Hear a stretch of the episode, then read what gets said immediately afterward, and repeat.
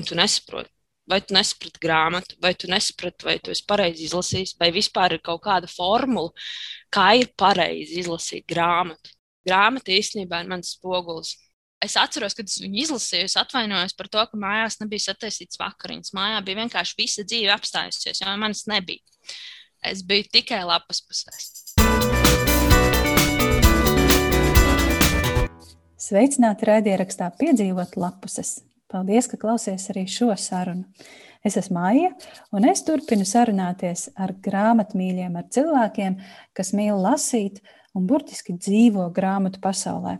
Un šodien es sarunāšos ar kādu grāmatu blogeri. Es, es saukšu tevi tā. Čau, Eva!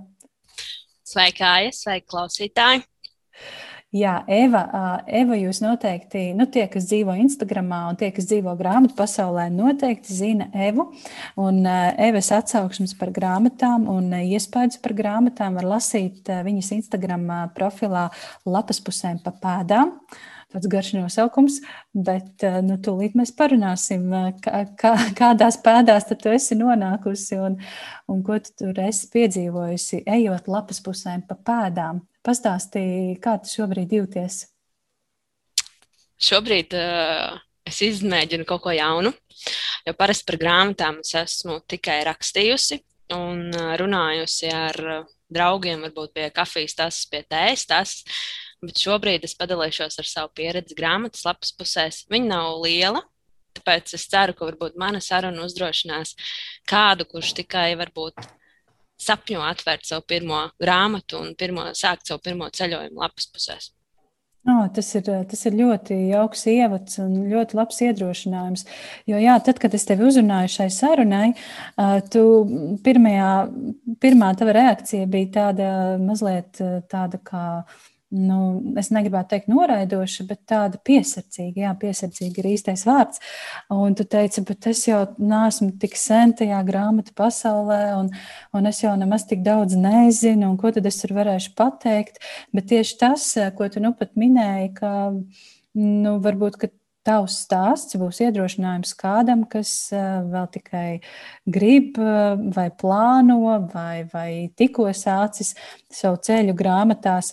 Bet droši vien, ka nav tā, ka tu esi sākusi lasīt tikai pirms. Es paskatījos, tavs pirmais Instagram ieraksts ir 2020. gada 10. martā, tā kā tūlīt jau būs divi gadi. Nu, nav jau tā, ka tu grāmatas iepazini tikai pirms diviem gadiem, noteikti. Taču arī bērnībā skolā kaut kas tika lasīts, vai ne? Uh, jā, bet tas uh, aktīvākais periods tik tiešām ir pēdējie trīs gadi. Manuprāt, tas ir laiks, kad es izaugu līdz grāmatām. Mm. Bet skatoties atpakaļ, es esmu tāds, kā var teikt, brīvības bērns. Es piedzimu tad, kad viss mainījās, un arī cilvēku skats uz pasauli mainījās. Manuprāt, pats pirmais ir tas, kas būtīgi, būtiski ir par grāmatām. Manuprāt, ir, kad tev jau mazi mesot apkārt tā vide, kad ir grāmatas, kaut vai tikai viņas ir plauktā, uh, un tu vēro no sākuma, tev liekas, tas varbūt ir kaut kas ne tev, bet tev viņas ir līdzās. Man šādu iespēju nebija. Man mājās nu, grāmatas bija, bet viņas nelasīja. Man tas likās tāds, nu, nu, ja cilvēkam tas neinteresē, tad kāpēc man tas interesētu? Varbūt nebija tā vide. Un, Protams, arī tas brīvības laiks, kas nāca ar visādām jaunām iespējām, ar, piemēram, man ir vecāks brālis, kurš izjuta to laiku pirms un pēc, un nāca iekšā spēles, nāca pirmās datorspēles. Nāca, un, mēs dzīvojām, mēs dzīvojām laukos, un vairākās bloku mājās, un bērni, kad saradās pagalmā, tad tur tikai par to vien runāja. Jaunākās spēles, un tas likās, wow, tas citus ir tā iedvesmos. Es gribu līdzi, es gribu, es esmu mazais, kas klausās, un kā sūklis visu sūdz, es gribu tam visam līdzi. Un tad, protams, tas viss aizgāja uz spēlēm, tas aizgāja uz kaut kādu biedrošanos, ka mēs gājām pie tiem bērniem uz mājām, kurām tad bija tās datorspēles, un kur visi kopā spēlē. Tā bija tā, sava veida tāda pieredze. Bet nav tā, ka grāmatas nav bijušas um, man līdzās vispār. Tā interese ir tā kā mazi zipšņi, tā iemirdzējušies un parādījušies. Uh, pats, un tas, tas ir tādas spilgtas atmiņas no bērnības. Viņi nav daudz, jo, protams, daudz nelasīju, bet, uh, piemēram, es atminos tajā laikā visiem tik populāro aizliegto auglī zīlītes komiksu, ko es atradu kaut kur vecāku skapjos. Bet uh, saistībā ar šo komiksu es izpētīju, paskatījos, man pastāstīja, ka tas ir komiks, par ko tas ir komiks, un pagāja vairākas dienas. Un manā mamma pastāstīja, ka nu, jā, tā komiks patika, nu, vismaz tas uh, veidojums un kāds tas izklāsts. Mēs tev kā, pasūtīsim tajā laikā no Egmonta Latvijas Donaldu Daku. Man pirmais iespējas bija tāds, wow, mana pareizā mamma, kas šo aizliegto augli no sākuma brīnījās, kuras viņas atradusi un kā lai to vispār paskaidro. Pēkšņi man piedāvā komiks, kas visticamāk būs zīlītes stilā, un es to brīvi varēšu lasīt. Protams, tā vilšanās, kad man atnāca paskatītē, Donalds Zaks bija tāds, jā, bildes ir, bet ne tas, ko es gaidīju. Ko tu gaidīji? Nezinu, man bija tāds, man bija, jo to komiksu pašu kā veidu pasniedz kā kaut kādu aizliegtu augu. Tur būs kaut kas slepens, kaut kas tāds, ko bērni nedrīkst redzēt, kaut kas tāds, ko visi padomju laikā slēpj zem visur, kur var iedomāties, kur bērni netiek. Un tagad man tas būs brīvi pieejams, brīvi lasāms, brīvi skatāms. Bet nekā. Kāda vilšanās. Vienkārši naivi stāstīņi par pīlēniem. Jā. jā, bet tas bija tāds pirmais, jo um, tie, kas varbūt mani jau zina, viņi, sap, viņi zina, ka es vairāk atceros caur bildēm, caur, tāpēc man arī šis varbūt ir iespējas atmiņā, kā tā tie attēli, tie komiksi. Uh, Es saprotu arī šobrīd, kā daudz kolekcionāri, kas kolekcionē vecā, vecos izlaidumus, ja, tas ir, ir kaut kāda savā veidā māksla, uh, uzzīmēt stāstu, ko pasniegt tik īsiem, vienkāršiem teikumiem, kas, ko, kas patīk gan maziem bērniem, gan pieaugušiem, gan tik tiešām daudz eksemplāru pasaulē tiek pārdot par bargām naudām. Tas ir kaut kāds tāds trends, kults, kurš, manuprāt, mazliet, vismaz Latvijā, ir mazliet pazudis. Jā, es piekrītu. Mums, mums, es ļoti arī gribētu vairāk komiksu, un tiešām ir ļoti daudz labu komiksu. Uh, arī pieaugušiem, ne tikai bērniem, pieaugušiem par, par vēsturi, par attiecībām, par vispār par dzīvi, par, par jebko. Mm. Bet, pateicoties komiksiem, es nonācu pie grāmatām. Jo Donaldā Dakā bija viņa izdevniecība Egmonta Latvija, bija arī iespēja tikt beidzot pie uh, grāmatām, ko draugi teica, ka agrāk par tām varēja tikai sapņot. Tur bija Bambijas, kuras varēja pasūtīt, Bambijas, Aladins, kas likās, wow, tās ir kaut kādas slēptās mūtenes, ko mēs kādreiz redzējām kasetēs. Tas bija tāds tā kā aizlagtais auglis, kuru arī var beidzot lasīt šeit. Un skatīties skaistās ilustrācijas un Jā, tas, tas es arī atceros tos laikus. Mēs laikam esam kaut kad eh, ap, aptuveni eh, vienā, vienā laikā dzimušas, un eh, tie bija skaisti laiki, jā, kad nāca šie, šīs krāsainās grāmatas iekšā, un, un tās varēja pētīt un šķirstīt. Un, uh, Un zīlītes arī ļoti labi atceros. No manis gan to neslēpa. Es, kā, es atceros, kā es to brīvi lasīju, šķirstīju, izpētīju, ok. Un tad es redzēju, kā mamma un tētis smējās par to, kā, tās, kā tas nu, tētis tajā komiksā sēja sēkliņas laukā. Es domāju, par ko viņi tur smējas tik šausmīgi. Bet, jā, nu, protams, to pēc tam tikai tā saprotu, kas tur tāds smieklīgs.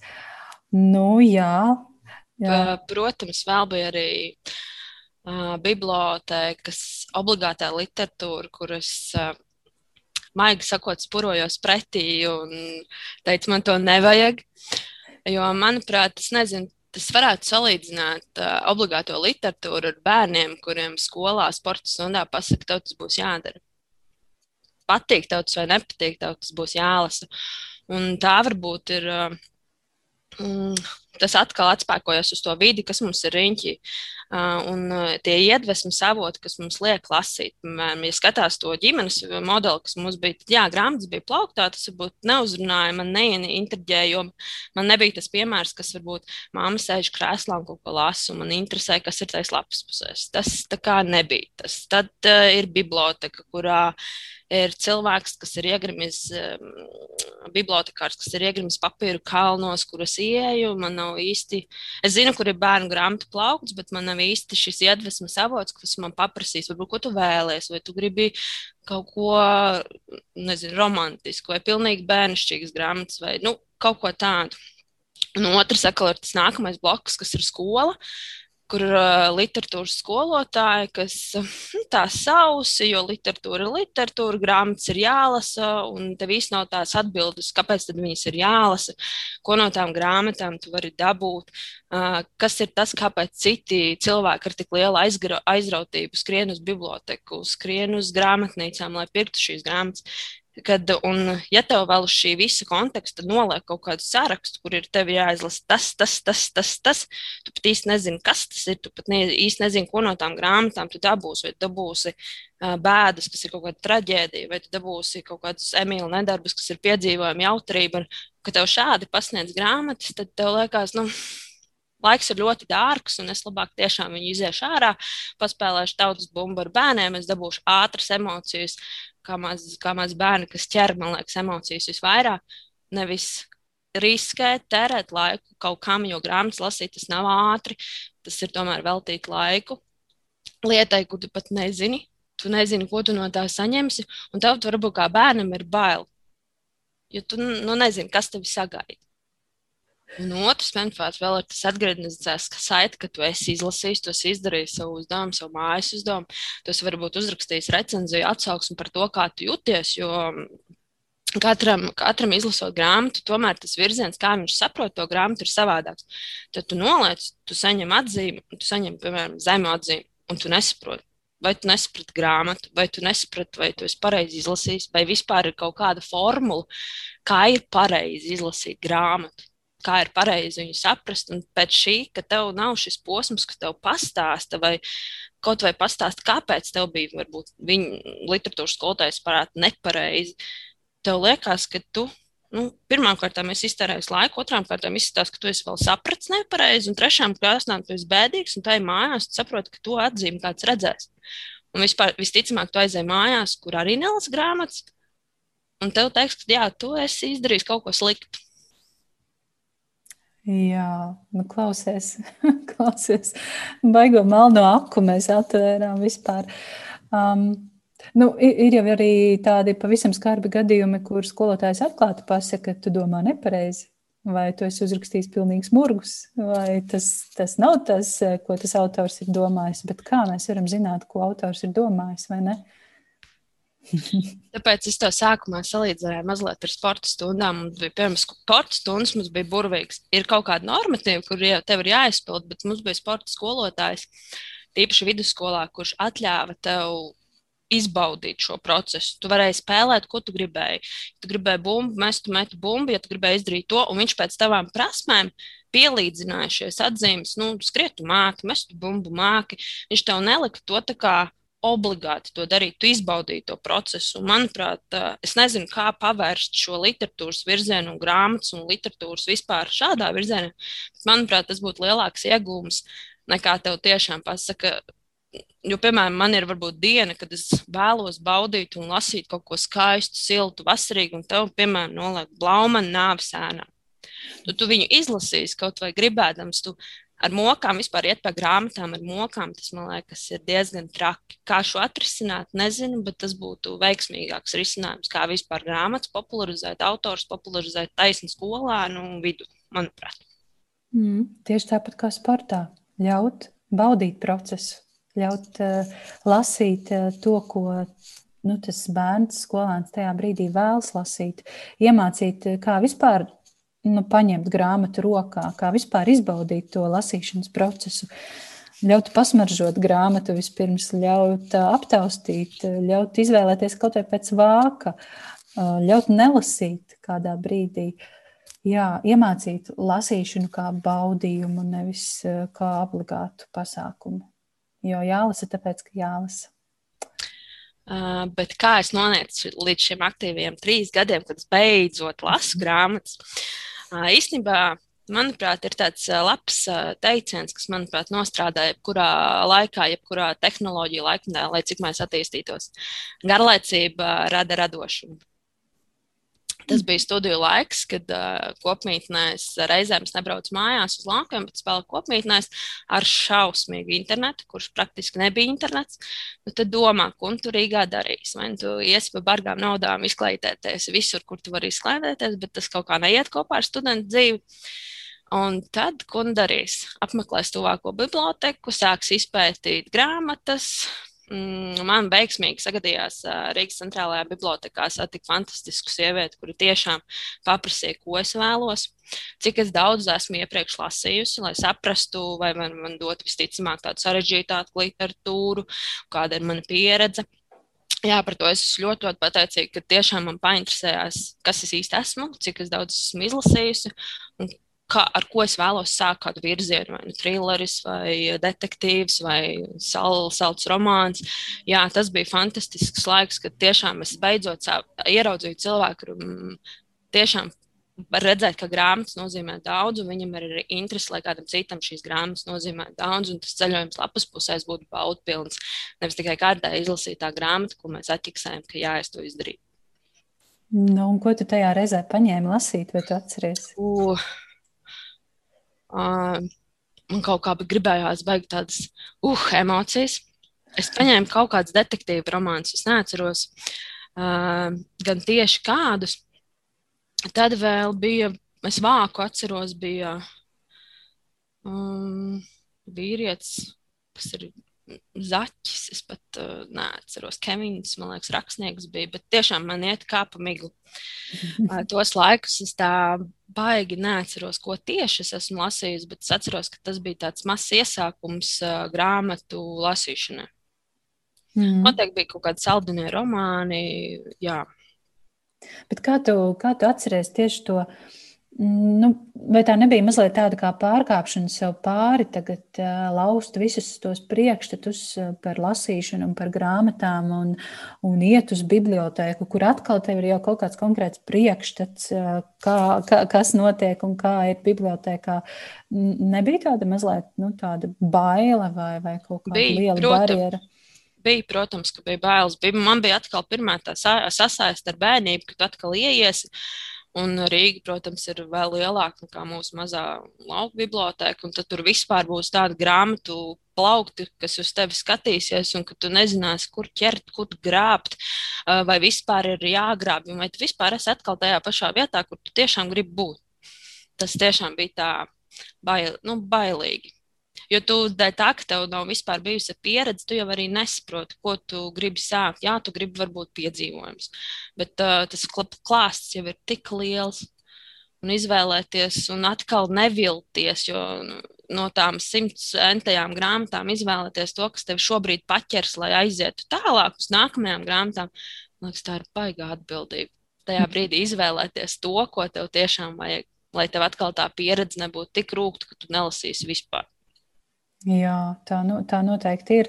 Um, bet tev bija laba bibliotekāra, bibliotekas darbiniece, kas tiešām uh, noķēra tevi un paturēja grāmatu pasaulē. Bet uh, pa vidu droši vien bija vēl, kā, vēl kāda pauzīte, kad nelasījās. Vai pastāstīt? Oh, kā gan studiju gados var nebūt pauzīts, kad, uh, kad tu nelasi. Tur bija ballīts, tur bija Rīgas dzīve, beidzot uh, lauka meitene no pareizās. Uh, Māmas ir tikusi prom, nu, tagad var šaut, kur acis rādās, un skatīties teātrus, baudīt kultūru, baudīt tādas lietas, kas varbūt uh, laukos, mazās pilsētiņās nav iespējams. Uh, tā bija īstenībā tāda re, tāda iespēja tev veidot sevi pašu. Jo tajā vietā, kur tas dzīvojas, nu, kā visi tevi zina, varbūt tev nāk kaut kāds ģimenes aspekts, kā par tevi domā, ko citi par tevi. Bet tā bija tāda reize, kad tu aizbrauc un tu zini, tu vari sākt no baltas lapas, tu vari būt jebkas, ko tu vēlēsies. Tu vari baudīt, darīt, skatīties, ko tu vēlēsies. Tu vari būt savā ziņā brīvs. Jo tev nav kaut kāda aizspriedumi pašam par sevi. Tu zini, ka neviens tevi nepazīst. Tu vari būt beidzot tāds tā kā no ķēdes norāvies, bet tomēr ar apziņu, ka uh, ir savas normas, ir savas robežas, bet tu vari būt brīvs. Mm, es atceros to sajūtu. Man gan tā rezultējās ar to, ka es vienkārši nedarīju neko, jo es beidzot varēju varēja būt klusa un nemanāma. Atšķirībā no skolas, kuras dziedāju, dejoju, deklamēju, vadīju, visu, ko darīju. Un tad augstskolā tā viss man neviens nepazīst. Man nav nekāda pienākuma, ļaujiet man mācīties vienkārši. nu, labi, bet kā tad tu atgriezies atpakaļ pie tām grāmatām? Kāda vēl starposmi tur varbūt bija? Mm, es domāju, mēs pieslēgsimies pie vienas grāmatas, kas man tiešām uh, grāmata, kas man apvienoja to. Es grāmatu, kurā es īstenībā ieraudzīju daļēji pati sevi. Uh, jā, kur es ieraudzīju, ka uh, tā ir uh, biogrāfiska grāmata. Uh, tas ir īstenībā Latvijas, kas ir sarakstījis šo grāmatu. Un, jā, es ieraudzīju pati sevi. Es ieraudzīju cilvēku, kas ir kaut kādā daļējā posmā izgājis tādu pašu ceļu kā es, vai arī strādājis vietās, kur arī esmu, es esmu strādājis. Un kad, jā, kad tas bija fantastisks baudījums lapas pusēs. Bet arī stāsts, kā šī grāmata pie maniem nonāca, tas arī ir ļoti interesants. Bet es uh, saglabāšu šo intrigu līdz beigām, un mēs pie, pie viņas vēl pieķersimies. Bet tā bija īstenībā tas ceļš, kā es sāku lasīt, beidzot intensīvāk. Tas tiešām bija vienas grāmatas stāsts. Mm. Hmm. Tagad man līdz beigām ir jātur, jāciešās. Man gribas zināt visu, kā tu pie tās grāmatas nonāci un kāpēc sāki lasīt un ko tu tur jūti. Bet labi, tad mēs apējam, apējam šo posmu. Un, un viena grāmata tad atvēra, pavēra to kā, kārtīgo, riktīgo grāmatu mīlestību. Tā var teikt. Jā. jā. Un kas notiek tālāk? Tālāk notiek tas, kad es. Uh, Uh, tas bija tas stāsts, ko es minēju, kad man liekas, līdz grāmatām mums ir jāizaug. Mums ir jāsaprot, ko mēs vēlamies saņemt no grāmatām, kāpēc mēs vispār gribam lasīt grāmatas un uh, ko mēs gribā, gribam viņās saskatīt. Uh, man ir tā apziņa kaut kādā veidā, tā, ka uh, grāmata īstenībā ir mans spogulis. Es viņā meklēju to, ko es gribu saju, sajust, ko es esmu vēlos, nezinu, ieraudzīt. Un otrs ir tas, ka, manuprāt, tad, kad es lasu to, ko es esmu sākotnēji vēlusies sajust, kaut kādā mērā grāmata to sajūtu man paver vēl plašāk, vēl plašāk. Un es īstenībā caur citu autoru darbu īstenībā iepazīstu īstenībā pati sevi. Mm -hmm. Tev, jā, es teiktu, ka tas ir grāmatas lielais virsmērķis - padarīt lasītāju par labāku cilvēku. Mm, jā, augt, lasot lasot kaut kādu grāmatu vai kādu stāstu. Tas, tas ir vislabākais, ko grāmata var, var izdarīt ar mums.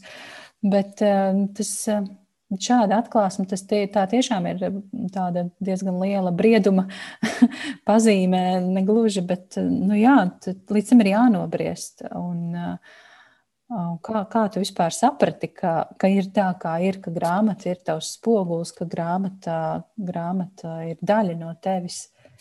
Uh, manuprāt, tas ir tas, kā es sākumā izvēlos grāmatas.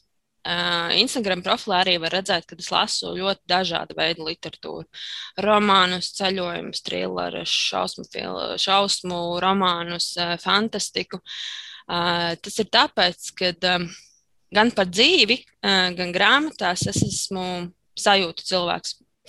Emociju cilvēks, un to arī ļoti var just manās atsauksēs, kad uh, es mazliet ieskicēju grāmatu, bet es uh, aprakstu tās sajūtas, kas man ir radušās šo grāmatu izlasot. Ja var tā teikt, tad uh, es esmu tāds lasītājs, soļankas tips. Man ir viss kaut kas no vis kaut kā. Un tik tiešām, tad, kad uh, es uh, izvēlos grāmatu, tas nav tāds vienkāršs process, kur es pieeju pie grāmatas plaukta un izvelku pirmo, kas uh, man ir gadījusies priekšā. Es, sev, es īstenībā no sākuma iesaistos sevi un sev prasu, ko es šobrīd, kur es šobrīd vēlos būt. Vai es vēlos, uh, lai mani kāds salauž tā, ka es raudu spilvenā un es jūtos dzīvāk par dzīvu, vai es vēlos no pilnas sirds smieties kādam varonim. Tas ir tās emocijas, ko es vēlos šobrīd saņemt. Tad, kad es esmu mazliet parunājis ar savu iekšējo bērnu, tad es saprotu, ko es gribu. Uh, Tad uh, mums ir šobrīd burvīga iespēja, kas, man liekas, manā laikā tik tiešām trūka šie iedvesmas avoti. Tas ir Instagram konti, kuriem mēs sekojam līdzi, kuriem mēs varam izlasīt atsauksmes. Tas ir blogi, kuros mēs ieejot uh, viena klikšķa attālumā internetā, tu vari izlasīt, vai tik tiešām tā būs tā grāmata, ko tu vēlēsies, vai viņi tev plus mīnus sniegs tās sajūtas. Mums ir tik uh, milzīga informācijas plūsma, kurā, manuprāt, šobrīd ir apmaldīties ir iespējams ļoti viegli. Tikai tāpēc, ka pašas grāmatas ir ļoti daudz, bet, ja tu esi nol, no, nolicis to virzienu, kur tu vēlēsies šajās grāmatās, ko tu vēlēsies šajās grāmatās atrast, tad man liekas, ir vieglāk, jo tik tiešām šobrīd atliek tikai ieiet savos telefona ekrānos, ieiet internetā un tu atradīsi ceļu pie grāmatām ātrāk nekā tu pats domā. Vienīgais ir, jā, manuprāt, ir jānolem, ko tu īsti vēlēsies no viņām iegūt. Savu. Hmm. Es tieši gribēju jautāt, eh, kā tu nonāci pie tās, pie tās īstās grāmatas, kādas ir tavas metodas, bet tu jau daudz ko izstāstīji. Tas izklausās pēc tāda pamatīga izpētes darbiņa. Vispirms paurķēties sevi, pēc tam eh, meklēt, skatīties, eh, atrast to īsto grāmatu. Tas nemaz nav tik vienkārši, kā grā, ieiet grāmatnīcā vai bibliotekā vai paņemt kaut ko no tā, kas ir iekrājies plauktos. Jā, tas tiešām tā ir. Jo, uh, tas ir arī. Jo, um, varbūt to var paskaidrot ar tādu teikumu, ka uh, es laiku uztveru par mūsu dārgāko mērvienību, kas mums ir, protams, pēc veselības. Un, ja tu laiku iz, izšķied, tad, manuprāt, tā ir diezgan liels grēks, ko tu nodari pats sev. Tā kā es ikdienā ne tikai lasu grāmatas, uh, tad es um, savas emocijas ikdienā ķeru daudzos veidos. Es braucu daudz ar vēlo, es eju pārgājienos. Es vispār nevaru iedomāties savas brīvdienas, sestdienas, vēdienas, kas man ir nesot kustībā. Man visu laiku jābūt kaut kādā ritmā, un tas arī man izveido to ritmu, kad es šo laiku plānoju. Tad, tad arī grāmatas, kuras es neuzskatu, ka es arī lasu ļoti ātri, kad tā ir stunda vai divas stundas, es cenšos viņu maksimāli iztērēt nu, vislielākajā vērtībā. Lai, jo izvēlēties kaut kādu grāmatu, kur tu esi veltījis divas stundas, un tu beigās saproti, ka ārprāts. Nevis nu, tas nebija man. Tas, tas, tās divas stundas es varēju, es nezinu, sēdēt jūras krastā ar draugiem, plāpāt un runāt par to, cik skaista ir dzīve. Bet nē, es esmu pati izvēlējusies, pati visticamāk neieklausījusies sevi un izvēlējusies to grāmatu, ko man pilnībā nevajadzēja. Es esmu iztērējis divas liekas stundas, kuras, manuprāt, Citreiz tiešām ir tik ļoti žēl, ka tu iztērē laiku tikai tāpēc, ka tu tā ātrā, vieglā uzskatā esi izvēlējies kaut ko, kas, nu, nu tikai palasīsim. Manuprāt, tas pats process, lasīšana, nav tikai process. Tāpēc, tāpēc ir mazliet jāiegulda laiks pirms tu izvēlēsies to grāmatu, lai tev beigās tās divas, trīs, četras stundas būtu tāds baudījums, kur tu nenožēlotu šo patērēto laiku. Mm -hmm. Varbūt tu vari pastāstīt uh, kādu vienu šādu stāstu. Uh, par to, kā tu atradi, īsta, saprati īsto emociju, ko tu vēlēsies dabūt, pēc tam meklēji, atradi grāmatu, un pēc tam kā tu to lasīji, un, vai, un kā tu ieguvi to, ko tu vēlējies iegūt. Varbūt ir kaut kāds piemērs, ko tu varētu pastāstīt no senākas vai nesenākas vēstures. Tas ir diezgan nesen. Bet šis ceļš līdz šai grāmatai, es teiktu, ka ir veseli 32 gadu garš. Es, tas ir iesākumā, es vēlētos visiem ieteikt, kādreiz palūkoties savu vecāku, vecvecāku, mm, vai arī, nezinu, pagrabā noliktu uh, grāmatu kaudzītājs, kas uh, 15 gados tev varbūt pilnībā neuzrunāja. 20 gados varbūt pastījos uz kaudzīti, bet arī neuzrunāja. Un ir brīdis, jo tik tiešām katrai grāmatai ir savs īstais brīdis. Un uh, pagājušā gadā es papētīju savu vecu savu, savas māmas grāmatu plauktu. Un es atradu grāmatu, kuras, kuras es bieži skatījusies, bet uh, nu, kaut kā nav uzrunājusi. Un tā bija Reinholda Mesnera gājiens vienatnē Nanga Parabats. Es viņu, es viņu izrāvu vienkārši vienā alpas vilcienā. Tas bija kaut kas uh, fantastisks. Uh, un es viņu paņēmu savās rokās, jo man ļoti patīk kalni. Man vienmēr ir interesējis, kas dzēna cilvēku kāpt kaut kur, kur tu vienkārši vienā sekundē vari vairs nebūt, varbūt nokritis, kas tevi tur dzēna. Un palasot šo grāmatu, man tas likās vēl interesantāk, tāpēc, ka um, Reinholds kāpjot uh, Nāga parabatā, vienā reizē kopā ar savu brāli Lavīnā pazaudēja savu brāli. Un man bija tāds interese, tāda milzīga interese, kas notiek cilvēkā, uh, kad viņš izlemj tomēr kāpt šajā pašā kalnā. kapa to pašu ceļu, kur viņš ir tik uh, traģiski zaudējis savu brāli, un kas vispār notiek šī cilvēka prātā, kas liek mums kāpt ārā, kāpt ārā no komforta zonas, iet un uh, kas, kas vispār mūsos notiek tajos brīžos. Un, uh, jā, un Reinholds uh, jau izsmeļs man liekas kaut kas īpašs kā pats alpīnists, jo viņš ir nu, viens no populārākajiem alpīnistiem. Viņš daudzus uh, kāpienus ir veicis pirmo reizi, piemēram, bez skābekļa, papildus uh, padeves uzkāpis viens pats Everestā. Un viņš ir jā, tāds, tāds ikona, kurā, manuprāt, var smelties daudzas emocijas un vispār izprast kaut kādā mērā dzīvi, kur mēs ejam, kur mēs tiecamies.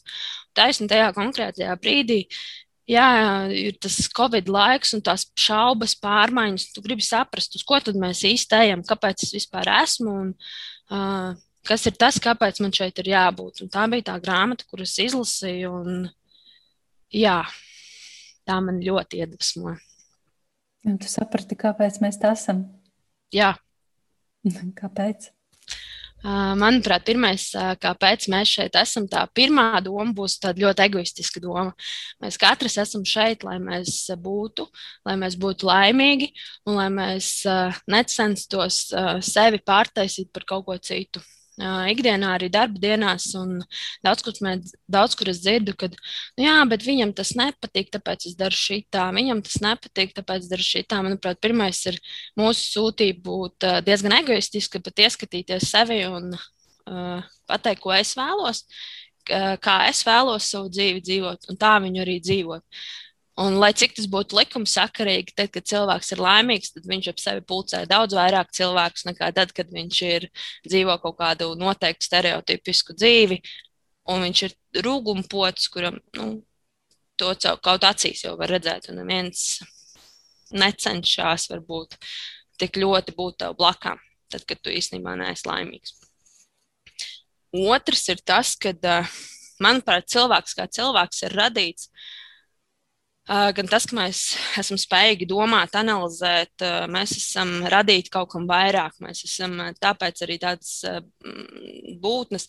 Mums ir jāiet tur, kur varbūt zvēri nedodas. Mums ir jāizpēta, mums ir jāatstāj šīs liecības aiz mums.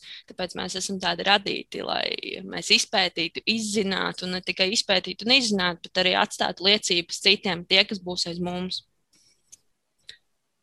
Un trešais, kas noteikti ir, kad mums ir jākāpj ārā no komforta zonām. Tas var būt dejapkās noskriet pirmo kilometru. Um, tu neesi dārzkopis, bet tev ir sapnis iestādīt ābeli, stādi. Mums ir jākāp ārā no mūsu komforta zonām, jo tikai tā mēs palielinām īstenībā savu komforta zonu.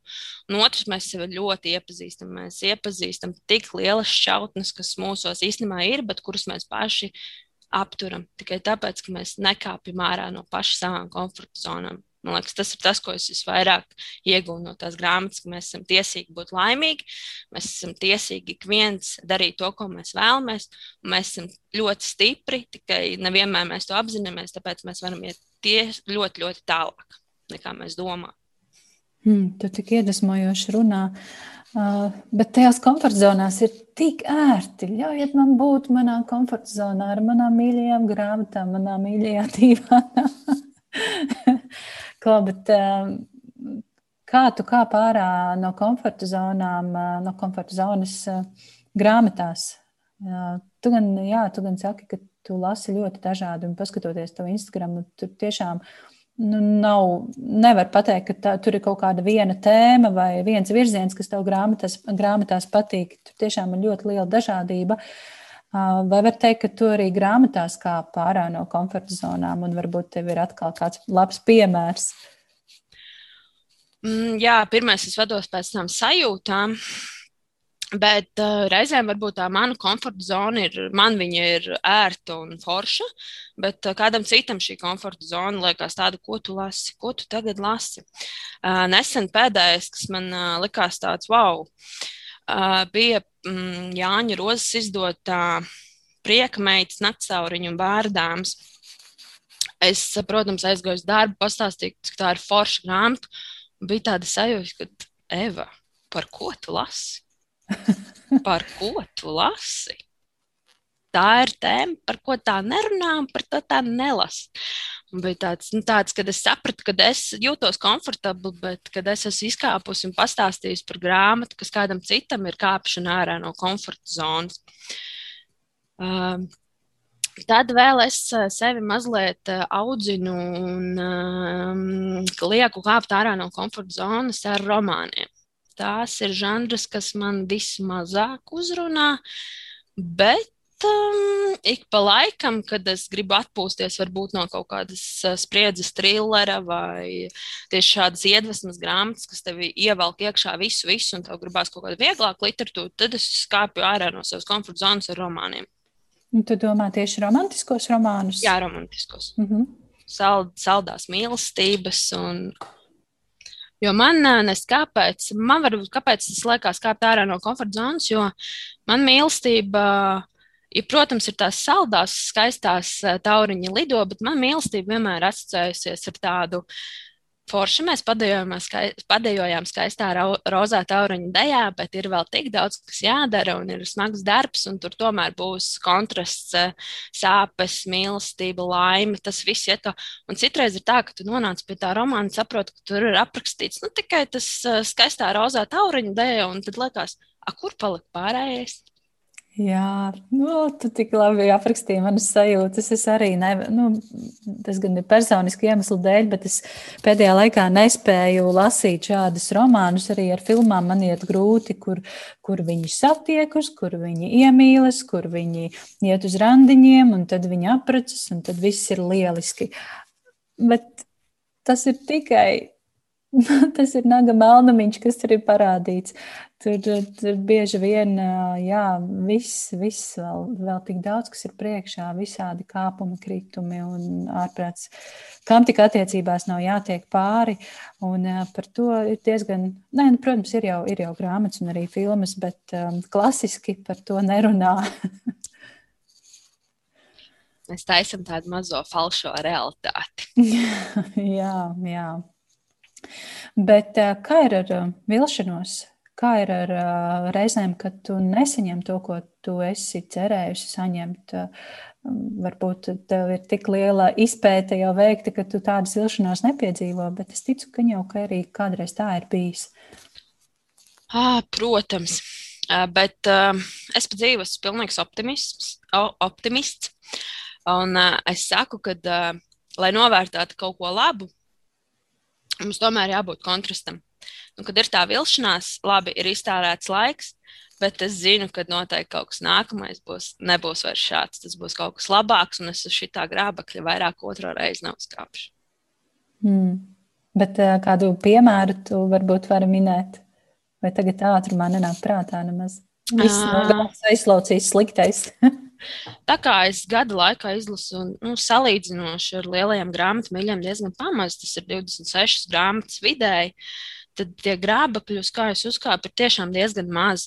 Bet, piemēram, viens no tādiem ir. Um, kas arī ieguva man diezgan mazu vērtējumu, bija Stevens Līkoks izģērbtie džentlmeņi. Tā bija viena no grāmatām, ko es atradu arī māmas plauktā, kas bija pēc uh, pašas grāmatas aizmugurējā vāka uzrakstīts, ka uh, es varēšu, mani kutinās un es smiešos tā, kā es neesmu smējusies vēl nekad. Bet es izlasīju, un tad es ilgi domāju, kur bija tā vieta, kur bija man jāsmējas. Kur, jā, kur bija jāsmējas?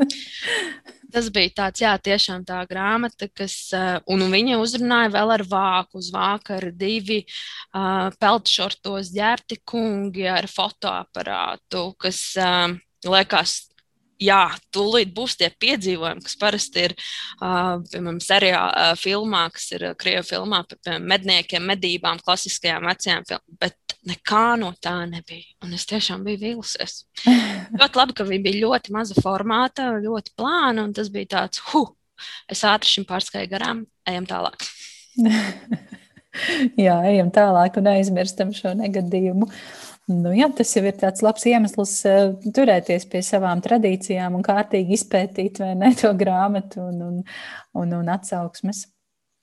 Kas ir varbūt tā, tie avoti, kuri, kur, kur ir tavas autoritātes, jā, kam tu seko, kam, kuru viedoklim uzticies? Varbūt tas ir kaut kas internetā, varbūt no draugiem ir kāds liels lasītājs tavā draugu lokā. Mm, nē, draugu lokā laikam par lielāko lasītāju varētu uztvert mani, jo pārējie ir citi ir ultramaratonisti, citi ir piedzīvojumi meklētāji, citi ir uh, jaunie vecāki, kuri šobrīd vairāk ir maz, ap mazo, par mazo un iekšmazā. Bet es ļoti smeļos no Instagram, mūsu mazās grāmatu mīļu ģimenītes, tā jau varētu teikt. Nu, jau man liekas, tā ir tik plaša. Es vairs visus nespēju aptvert. Tur es baros un ņemu iedvesmu. Bet parasti arī tas ir tā, ja es, piemēram, esmu izvēlējusies lasīt konkrētu grāmatu, es parasti izpētu vairākas atsauksmes, lai es, jo nu, katrs no mums tiešām grāmatā atrod kaut ko savu. Tad es iz, iz, izvēlu kaut kādu zelta griezumu, savu pieņemto, palasu vēl, ko par to saka pats izdevējs, kā viņš ir reklamējis, ja tā var teikt, savu grāmatu. Un tad, jā, tad es, tas, tas visvairāk procentuāli tas ir Instagram. Jā, pēc tam tie ir blogi un tad ir paši izdevēji. Mm. Man agrāk bija, un kaut gan vēl joprojām ir, bet es palēnām ar katru gadu sāku laust šo principu. Man bija tāds nerakstīts likums, ka es nekad nelasu grāmatas, kuras ir nesen izdotas, kuras visi ir saslavējuši. Nu, nevar teikt, visi lielākā daļa ir saslavējuši, izdevēji ir saslavējuši. Tad es parasti gaidu, ka tas pirmais bums norimst, un tad es skatos, kas tad īsti sāk līst laukā no šīm atsauksmēm, kas ir arī varbūt pēc pirmā tās, jo tev jau tā kā mazliet. Ja var tā teikt, piebarot, tev sastāst, tev būs šis, tev būs šis, un tu to pašu informāciju saņem no kāda Instagram atsauksmē. Tev liekas, man liekas, tā gan varētu. Tāpēc es mazliet pagaidu, lai man nebūtu šī vilšanās. Kad es esmu noticējusi šim stāstam, pirmais, ko grib izdevējs, man pastāstīt, kāpēc tev viņi ir jānopērk. Otrs ir varbūt lasītāji, kas ir līdzvērtīgi domā, bet es tomēr pagaidu, kad tas pirmais bums pazūd, lai es redzētu to, varbūt, ja teikt, to īstā realitāti tajā grāmatā. Hmm. Tu esi grāmatu pircēji vai, vai ej uz bibliotēku vai aizņemies? Ai, es ceru, ka man draugs šo neklausīsies. Es esmu grāmatu pircējs un es būšu grāmatu pircējs. jo un, man ir problēma tāda, ka tā, kad es daru daudz lietas, man es nespēju ierakstīties biblioteka termiņos. Es visticamāk būtu biblioteka gājējs un apmeklētājs, un, uh, jā, bet es nespēju. Tas, un arī tās sajūtas, kā es lasu, es nevaru, piemēram, es. Ja es negribu lasīt, es viņu nelasīšu. Manuprāt, tas bibliotekas, es esmu ņēmis grāmatas no bibliotekas, un tas termiņš man spiež, un tad es saprotu, ka es labi es paspēšu tajā termiņā, bet vai es viņu sajutīšu to grāmatu, vai es viņu izlasīšu, tad, tad es tiešām viņu gribu lasīt. Tas mazliet atgādina man atkal to skolas laiku, ka bija jāpaspēj kaut kādos termiņos, kad īsti varbūt to no laika nav gribēšanās, bet, bet vajag. Mm. Nu, skaidrs. Nu, cerams, ka draugs šo nedzirdēja. Bet, uh, kas ir tavs pēdējais pirkums? draugs, aizver, draugs aizver ausis šobrīd, neklausās. Nu, viņš jau saprot, kad mājās parādās kaut kas no omnibus vai no DPD, tad ir viss. tad kaut kas atkal ir. Un, jā, pēdējais, kas ir mans pirkums, ir uh, pateicoties Mamhu Rītas, kur man liekas, mazliet lika kāpt arī jums no komforta zonas laukā, ir Lovecrafts. uh, un vēl Prometēja triloģija Sarkanās atcelšanās. Mm -hmm. Fantastika ir tā lieta, kuras laikam tagad sākušu kāpt ārā no savas komforta zonas.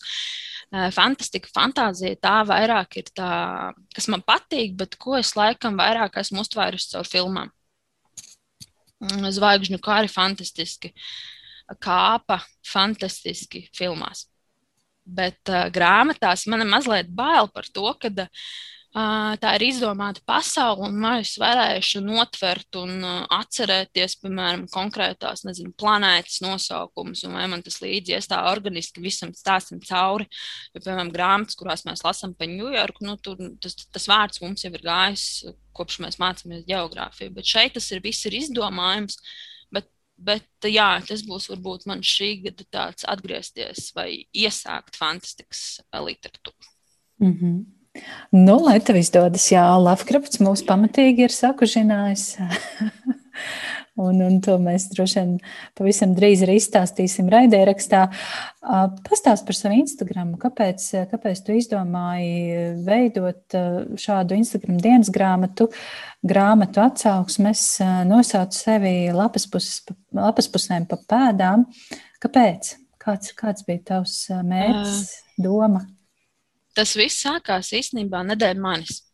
Man ir savs personīgais Instagram konts, kurā es ik pa laikam storijos liku um, izlasīto grāmatu, kaut kādas atsauksmītes, ko es lasu, ko es varbūt iesaku.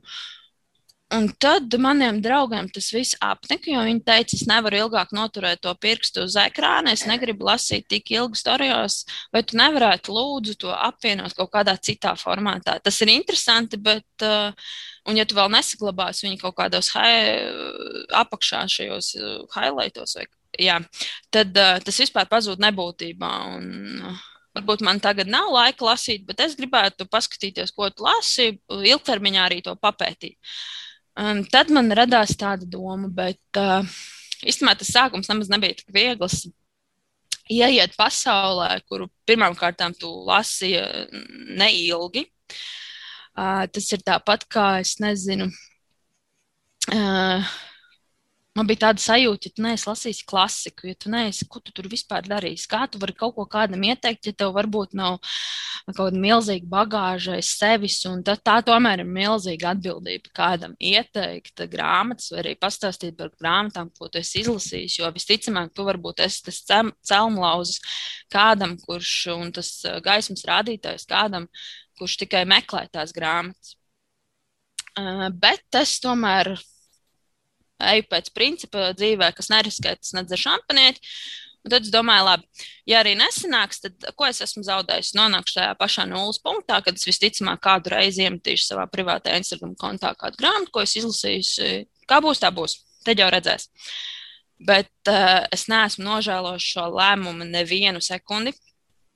Uh, jo, uh, zinot to, ka man riņķī neviens nelasa grāmatas, atrasties vidē, kuru visi slavē grāmatas, kur visi grāmatas ir uzcēlušas tādu tā kā podesta, ka tas ir uh, kaut kas īpašs, kaut kas un būt uh, starp cilvēkiem, kas. Um, tā ir tiešām mazliet tāda attālināta ģimenes sajūta būt vidē, kur viss ir vienlīdz domājoši, kas, kam interesē vienas un tās pašas lietas. Varbūt labi, tie žanri atšķirās, bet Uh, un plus mūsdienās, kad Facebookā tu vari lasīt negācijas tādas, tā ir vieta, kur tu dabū mieru, tu dabū cieņpilnus tekstus, bez apvainojumiem, bez nekā. Tas ir kaut kas fenomenāls. Un es tiešām nenožēloju ne mirkli, kad es izdomāju uh, izveidot šo kontu. Jā, tas ir ļoti labs lēmums. Un es esmu tiešām milzīgi pateicīga draugiem, kas mani uh, mudināja, mudināja to darīt. Jā, lieliski, lielisks ieteikums un, un prieks, ka tu to esi izdarījusi. Un es piekrītu par to, par to mieru, kas, kas ir. Kas, kas te valda Instagramā un grā, grāmatnieku Instagramā Latvijā vismaz noteikti, kā mēs sarunājamies, kā mēs cienām cits citu un uzklausām un, un pasmējamies kopā un baudām šo grāmatu pasauli.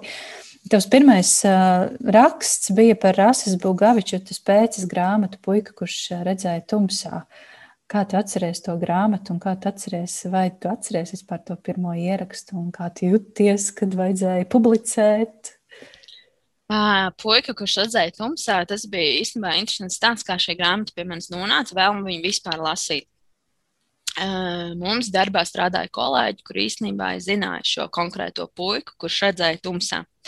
Un kuri pastāstīja par to, kad ir iznākusi šāda grāmata. Un, uh, es pati kādu laiku mazliet uh, dzīvoju pēc cēsīm, un zināju arī to rajonu, kur tas viss notiek. Man tas likās, wow, īsa, maza, forši, ātri, skaists, skaisti zīmējumi, skaists dizains. Man liekas, wow, labi, pamēģinās. Viņi tik gardi pastāstīja par šo grāmatu, ka man liekas, nē, tas man ir jāizlasa. Un tas tiešām bija tāds ļoti labs sākums arī pašam Instagramam. Jo es kaut kā cenšos meklēt arī paralēlus, un man bija sajūta, ka šis Instagrams būs īstenībā man pašai meitene, kura redzēja tumsā, jo es par grāmatām daudz ko nezinu. Es eju tā kā tumsā, es eju kaut kur jaunā. Arī Instagram pasaulē, kur ir grāmatu lasītāji, kas tiešām ir izgājuši gadiem cauri, kas ir jau autoritātes. Tad es domāju, labi, Šī ir kaut kā burtiski sakritusi grāmata, kas man pašai pati ļoti patikusi, kas tajā brīdī bija arī diezgan populāra, kas varbūt arī pamanīs šo manu ierakstu ar citiem grāmatu mīlētājiem.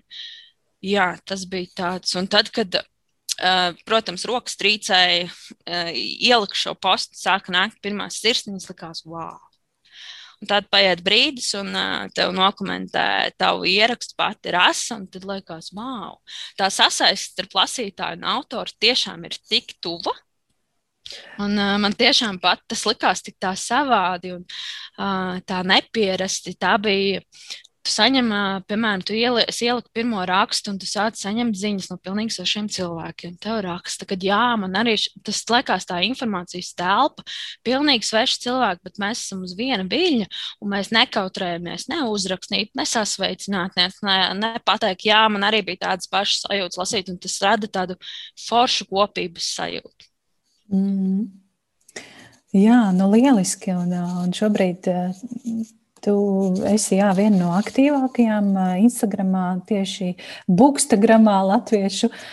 Un, tas, kas man ļoti, ļoti aizrāva, bija tava darbošanās Ziemassvētku laikā, šis adventas kalendārs ar tik interesantu informāciju. Un es atzīšos, lielāko daļu šīs informācijas es nezināju un uzzināju tieši no taviem stāstiem Ziemassvētkos, kur tev radās šī ideja un kur tu meklē visu to informāciju par grāmatām, par grāmatu vēstu, vēsturi, par, par mazāko grāmatu, par komiksiem, par visu, jā, pastāsti. Jā, tas bija tāds interesants laiks. Man arī patika ļoti šis pasākums, ļoti labi, ka tu to izdomāji. Eh, pati ideja radās no tā, ka man ļoti patīk advents kalendārs. Man patīk katru dienu saņemt visādus pārsteigumus, un katru dienu tu nezini, kas tajā pārsteigumā būs. Un uh, tad es sāku meklēt, kādi vispār ir bijuši grāmatu adventas kalendāri. Vairāk tie ir bijuši tādi, kad uh, kāds no tuviniekiem vai draugiem tev sapērk 24 grāmatas, ietina uh, skaistos iepakojumos un tev pasniedz kā tādā veidā, kā dāvana. Un tad es domāju, kāpēc gan nevarētu būt mums grāmatu pasaulē kalendārs, kur tu katru dienu kaut ko uzzini jaunu par grāmatām. Plus vēl arī tas, ka es pati neesmu daudz šajā grāmatu mīļu pasaulē. Tas man pašai bija tāds interesants. Priekš sevis, ko es jaunu varēšu uzzināt, un uh, kas varbūt paspildinās manu pasauli, manu skatījumu uz pašām grāmatām, uz uh, rakstniekiem, kas viņas saraksta. Uh, Jā, bet tad, protams, eh, es domāju, bet eh, tad man radās doma, ka nebūs jau interesanti. Priekš manis, jā, es varbūt esmu jauns lasītājs, man būs interesanti uzzināt, ko ir, nezinu, Hemingvejs sarakstījis, bet eh, priekš citiem tas būs tāds, nu jā, jā, sarakstīja, visu izlasīju ļoti labi. Un tad es domāju, ka ko varētu tādu mm, izveidot, kas varbūt, kā tu minēji, ka daudziem būtu jaunums. Tad es arī tikpat skrupulozi arī gāja tam visam cauri.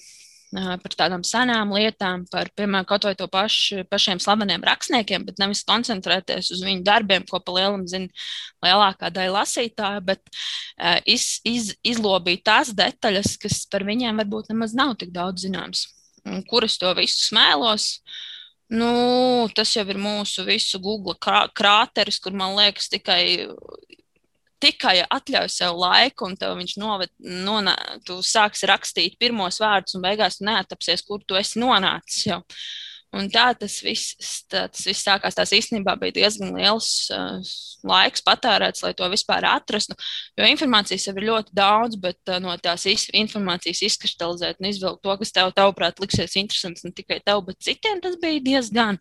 Un mājās tas bija ierasts jau režīms, kad pēc darba atnākot mājās, nē, mani neviens neaiztiek, man ir divas stundas, es tur mm, piņķerējos, meklēju, bija burvīga disciplīna pēc darba neatsēsties kaut ko vai nesvaipot ielpot kaut ko Facebook, Instagram vai kaut kur, bet tiešām pievērsties 24 dienas grāmatā.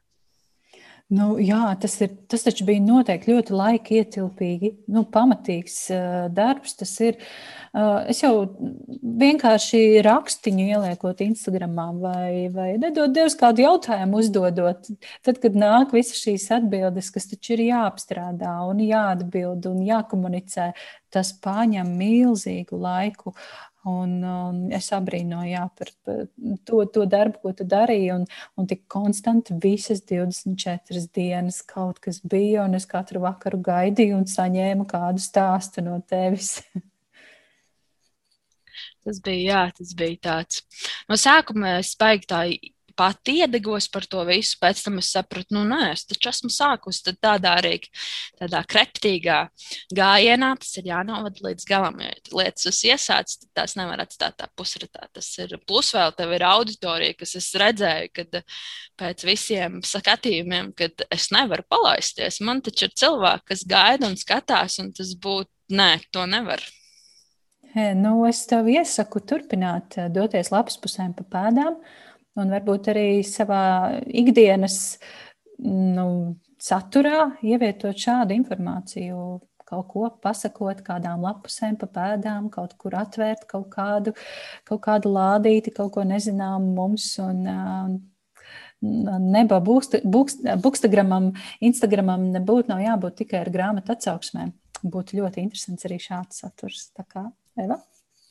prieks dzirdēt, prieks dzirdēt. turpini, turpini. Ha, klausies, kaut kā tā stunda ir gandrīz jau paskrējusi.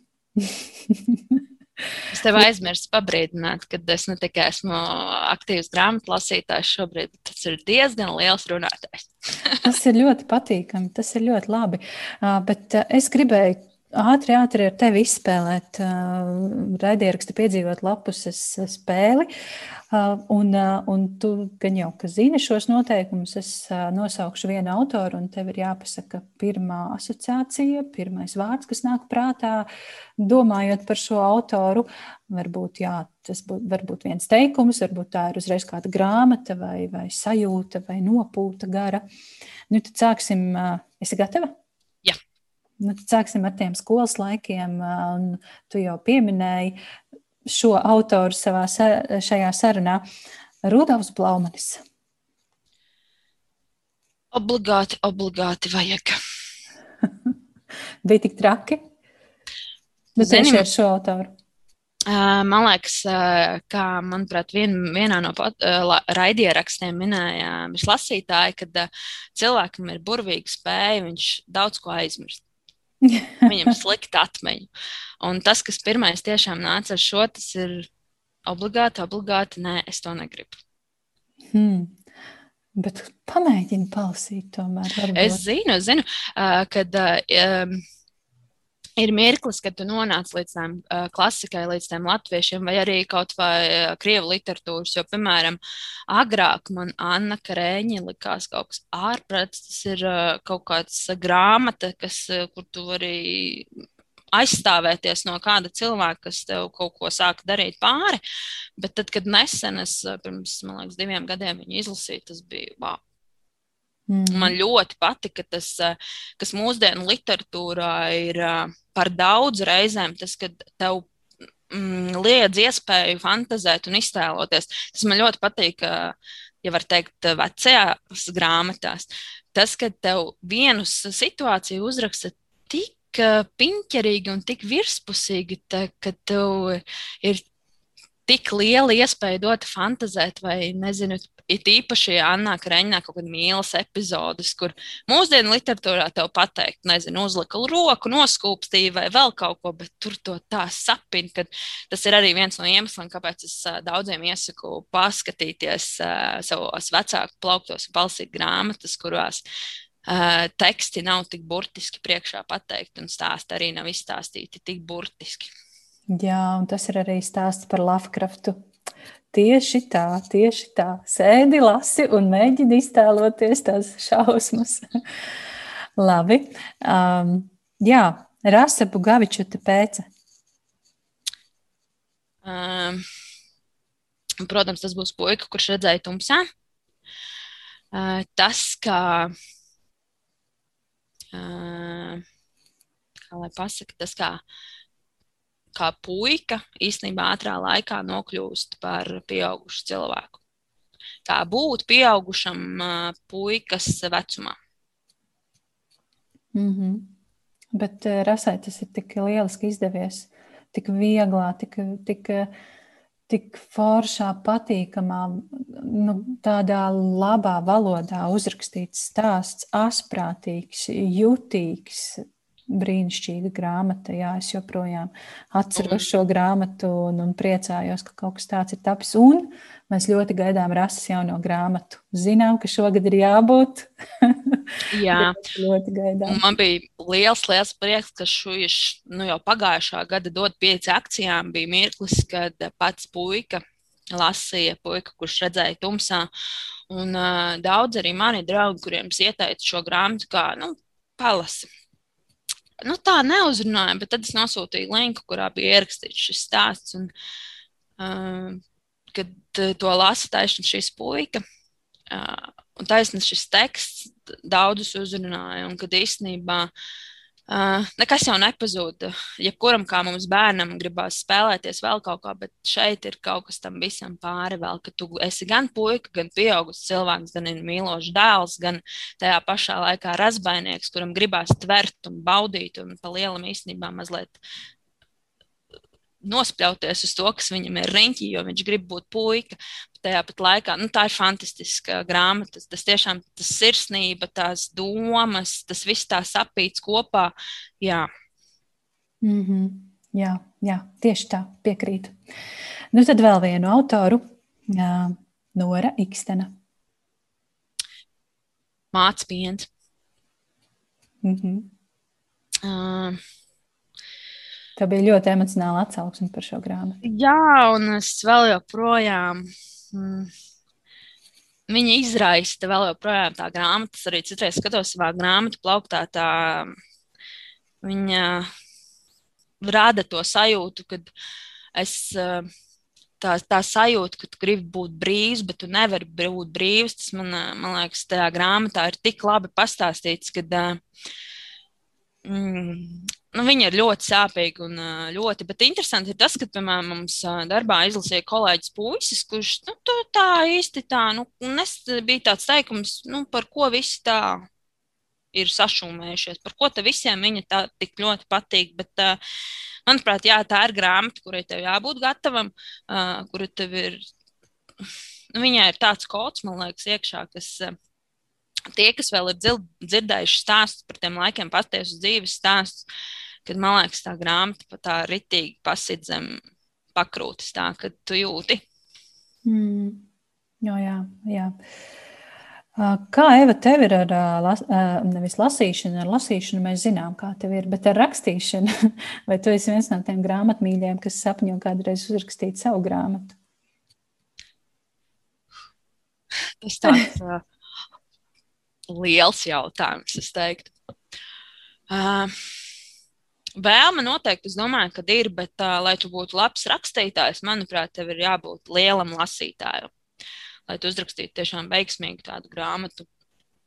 Uh, bet interesanti, es pat uh, reizēm es par to aizdomājos, kas tad būtu tas mans ceļš, par ko es gribētu uzrakstīt. Uh, jā, bet uh, nē, šis, šī doma jau sen ir pavīdējusi, bet uh, tas ir vēl bailīgāk. Tas ir uh, wow, tas ir palaist sevi uh, kosmosā visai pasaulē. Man liekas, tas ir ļoti atbildīgi un tas ir. Līdz tam ir jāizlauga vēl vairāk nekā līdz grāmatu lasīšanai noteikti. nu, tad redzēsim, kur, kur tie ceļi vedīs. Um, Mēs neesam parunājušas par to grāmatu, jo projām tā ir palikusi noslēpumā. Droši vien, ka man jājautā, kas ir tā zelta grāmata, ko tu iekļausi raidieraksta piedzīvot lapas uz zelta grāmatu sarakstā, un tad varbūt mēs beidzot izdzirdēsim, kas ir šī noslēpumainā grāmata. Jā, var teikt, ka aplis ir noslēdzies, vai ne? tā zelta tā grāmata, ko es vēlētos ielikt, uh, piedzīvot lapas zelta fondā, ir Mārtiņš Zviedriņš, Fudzī 161 km. Hmm. Jā, tā bija grāmata, kas uh, es varētu par viņu stāstīt un stāstīt. Un viņai ne tikai pati grāmata šai būtība, bet visi notikumi, kas ap viņu ir virmojuši apkārt, viņu ir radījuši par man tiešām ļoti, ļoti īpašu grāmatu. Kā sākās stāsts? Pie viņas stāsts bija tāds, ka Es viņu ļoti vēlējos, bet uh, ai, tur viņi nevarēja dabūt grāmatnīcās. Bija jāraksta speciāli autoram un tā. Un, es, un tad sāku skatīties, kāda ir cena. Es domāju, vai man tiešām to vajag un tā. Ai, atstāju to savu ideju. Par to ideju, protams, pastāstīju mazliet skaļāk mājiniekiem. Labi. Tad mēs beidzot aizbraucām savā ceļojumā uz Tatriem savā vārda dienā likumīgi. Uh, un taisnība vārdienas vakarā to lielo ķieģeli, tu noteikti viņus redzēsi. Viņa ir, viņa ir grāmata liela, smaga, bieza.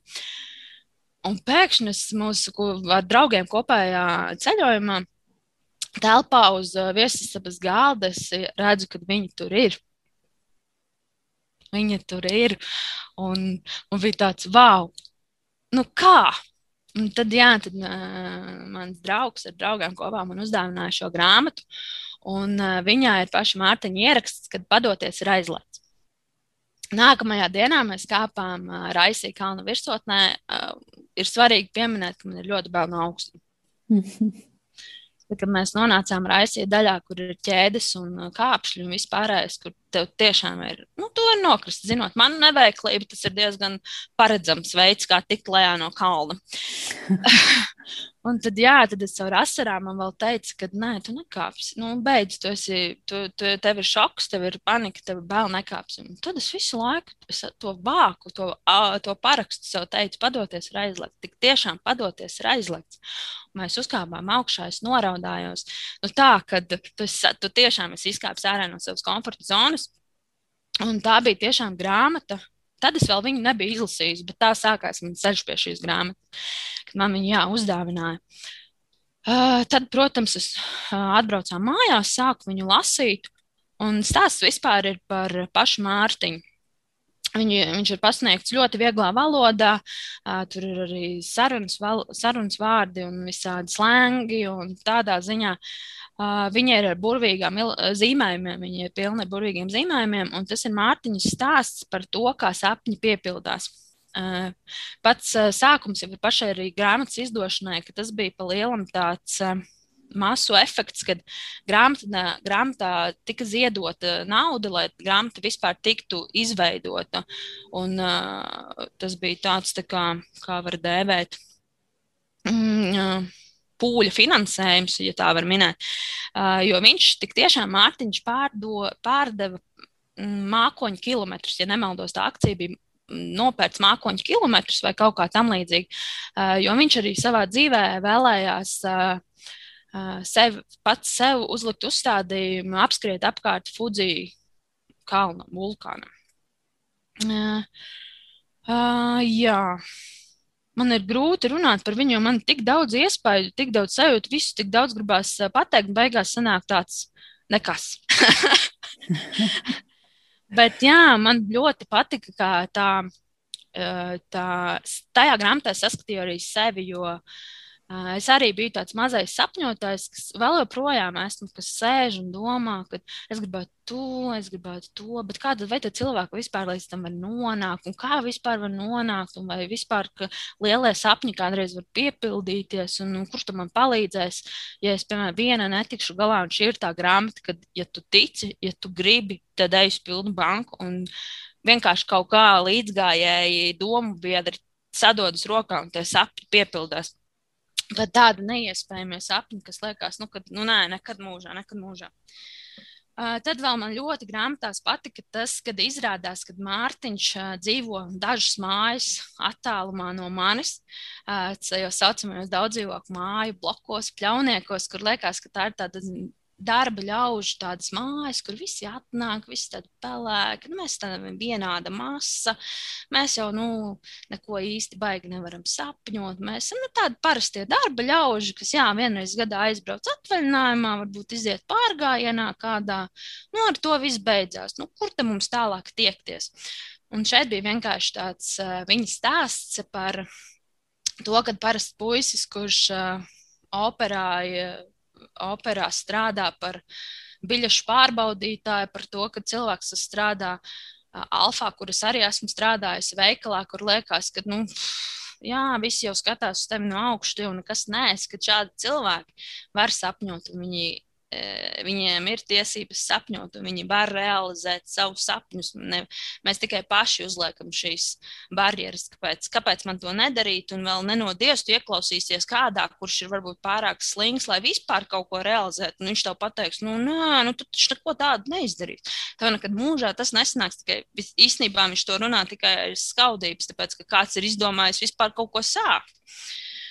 Un tā ir grāmata jā, par, par sapņiem, par sapņu piepildījumu. Par, mm, man, man ļoti simpatizēja, piemēram,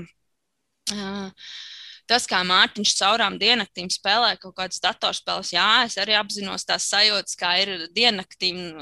Vienkārši es nezinu, kā tie cilvēki eksistē, bet mēs arī esam tā eksistējuši, negulēt, spēlēt kaut kur, kaut kur nu, tā, tā kā būt prom vispār no pasaules, būt datoros iekšā, būt, nu tā, es nezinu. Man ir grūti tā pastāstīt, bet tā ir ļoti, ļoti, ļoti mīļa man grāmata. Tā ir grāmata, kuras sapratu, kad viens stāsts var mani tā ievilkt. Es, es atceros, kad es viņu izlasīju, es atvainojos par to, ka mājās nebija sataisīts vakariņas. Mājā bija vienkārši visa dzīve apstājusies, jo manis nebija. Es biju tikai lapas pusēs. Tas ir skaisti. ļoti, ļoti skaists stāsts. Un, un atkal jau man jāsaka, jāatkārtojas, tu tik emocionāli stāsti. Un, un tiešām es šo grāmatu neesmu, neesmu lasījusi. Es zinu, ka tāda grāmata ir, es, es esmu to redzējusi, bet kaut kā tā man ir pagājusi garām. Un es pat nenojaušu, kā vispār pie tās tikt, jo, to, kā jau tu minēji, to nevar nekur nopirkt.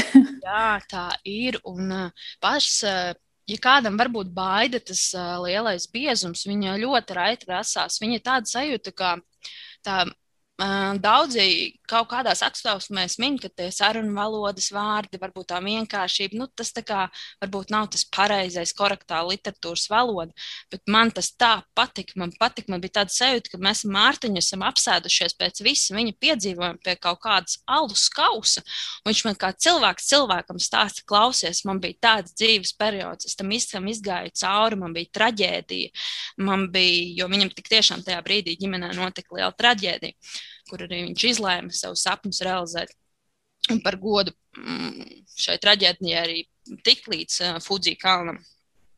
Un tas bija tāds, ka tiešām, jā, ka tev šis autors ir tepat, un manuprāt, tas tāpat ir nianse, ka grāmatas eksemplāri, viņi bija tūkstots eksemplāri, kurus tu praktiski nekur nevarēji iegūt. Viņas grāmatas dizains ir ar um, lakonisks, melns, ar tikai iespiestu baltā kalna zīmogu. Tas bija tāds tā kā kulta grāmata, tā apziņa, ka viņu nevar dabūt visi, ka tas ir kaut kāds kults, kaut kāds mistik, misticisms. Viņam vēl pēc tam nav ISBN numura, kas arī liekas tas ir kaut kas, kaut kas savādāks.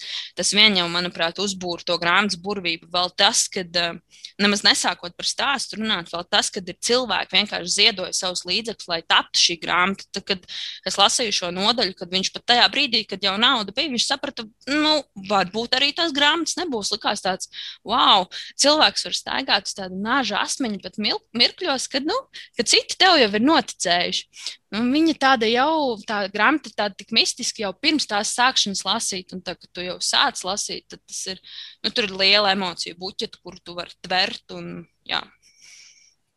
Hmm, es esmu ietriģēta, bet tā nelaime jau ir tāda, ka kur, lai to, kur lai šo dabū izlasīt. Nu, katrā ziņā jā, būs vērts painteresēties. Varbūt kāds ir gatavs padalīties ar savu eksemplāru. Droši vien cimdos jālasa tā grāmata. baltos cimdiņos. no, ja runāsim godīgi, tad melnajā tirgu, jā, šī grāmata ir diezgan maciņu plēsoša grāmata. Gribu savā īpašumā, bet es domāju, grāmatu mīļi noteikti kāds pat. Bet, zinām, man liekas, šī ir tā grāmata, tā, ka viņa ir tik maza grūti viņu kāds iedos vienkārši palasīt. Bet es zinu, ka viņi ir ļoti daudzās bibliotekās arī Mārtiņš ir izvedis, uh, savedis. Un, jā, jo viņi ir tiešām tāda mastrīt grāmata. Nu, oh, jā, atliek vien nopūsties. tā, tā dziļdomīgi nopūsties, un tu tiešām esi mani ietriģējusi ar, ar šo stāstījumu. Uh, Eva, ko tu lasi šobrīd? Šobrīd es esmu pauzē. Es taisni nesen paz, izlasīju grāmatu, un šobrīd es esmu tajā posmā, kad es sākšu meklēt, ko es uh, lasīšu tālāk. Uh, ļoti velk man uz Prometēju sarkanās atcelšanās. Es mm -hmm. laikam to fantastiku, laikam tas būs tas ceļojums, ko, kas būs nākamais ceļojums fantastikā. Mm -hmm. Bet šobrīd pagaidām vēl neko. Nu, skaidrs, tāda pauzīte, kurā, kuras laikā sakopot domas, apzināt emocijas un atrast to īsto lasām vielu. Ja? Jā. Huh, es solīju stundu, bet nu jau ir vairāk par stundu. Bet tas nekas. Es ceru, ka, ka tev, Eva, bija interesanti, jo man bija interesanti. Un pat ļoti interesanti, un es ceru, ka arī klausītājiem, kas ir izturējuši līdz galam, bija interesanti klausīties un, un uh, just līdzi. Un es ticu, ka domās jūs sarunājāties ar mums un noteikti komentējiet šo sarunu Instagram vai Facebook vai, vai kaut kur, kur atrodat šo sarunu. Neaizmirstiet novērtēt raidierakstu, piedzīvot lapus. Es šobrīd to varu izdarīt arī Spotify, ne tikai Apple podkastos. Rakstiet jaukas vēstules Evai, arī man, ja ir tāda vēlēšanās. Un, paldies, Eva, vēlreiz, un tiekamies citās lapusēs. Paldies, tev, Aijam, paldies, klausieties. Paldies, ka mēs visi esam mīļie, foršie grāmatmīļi. Paldies! Atā!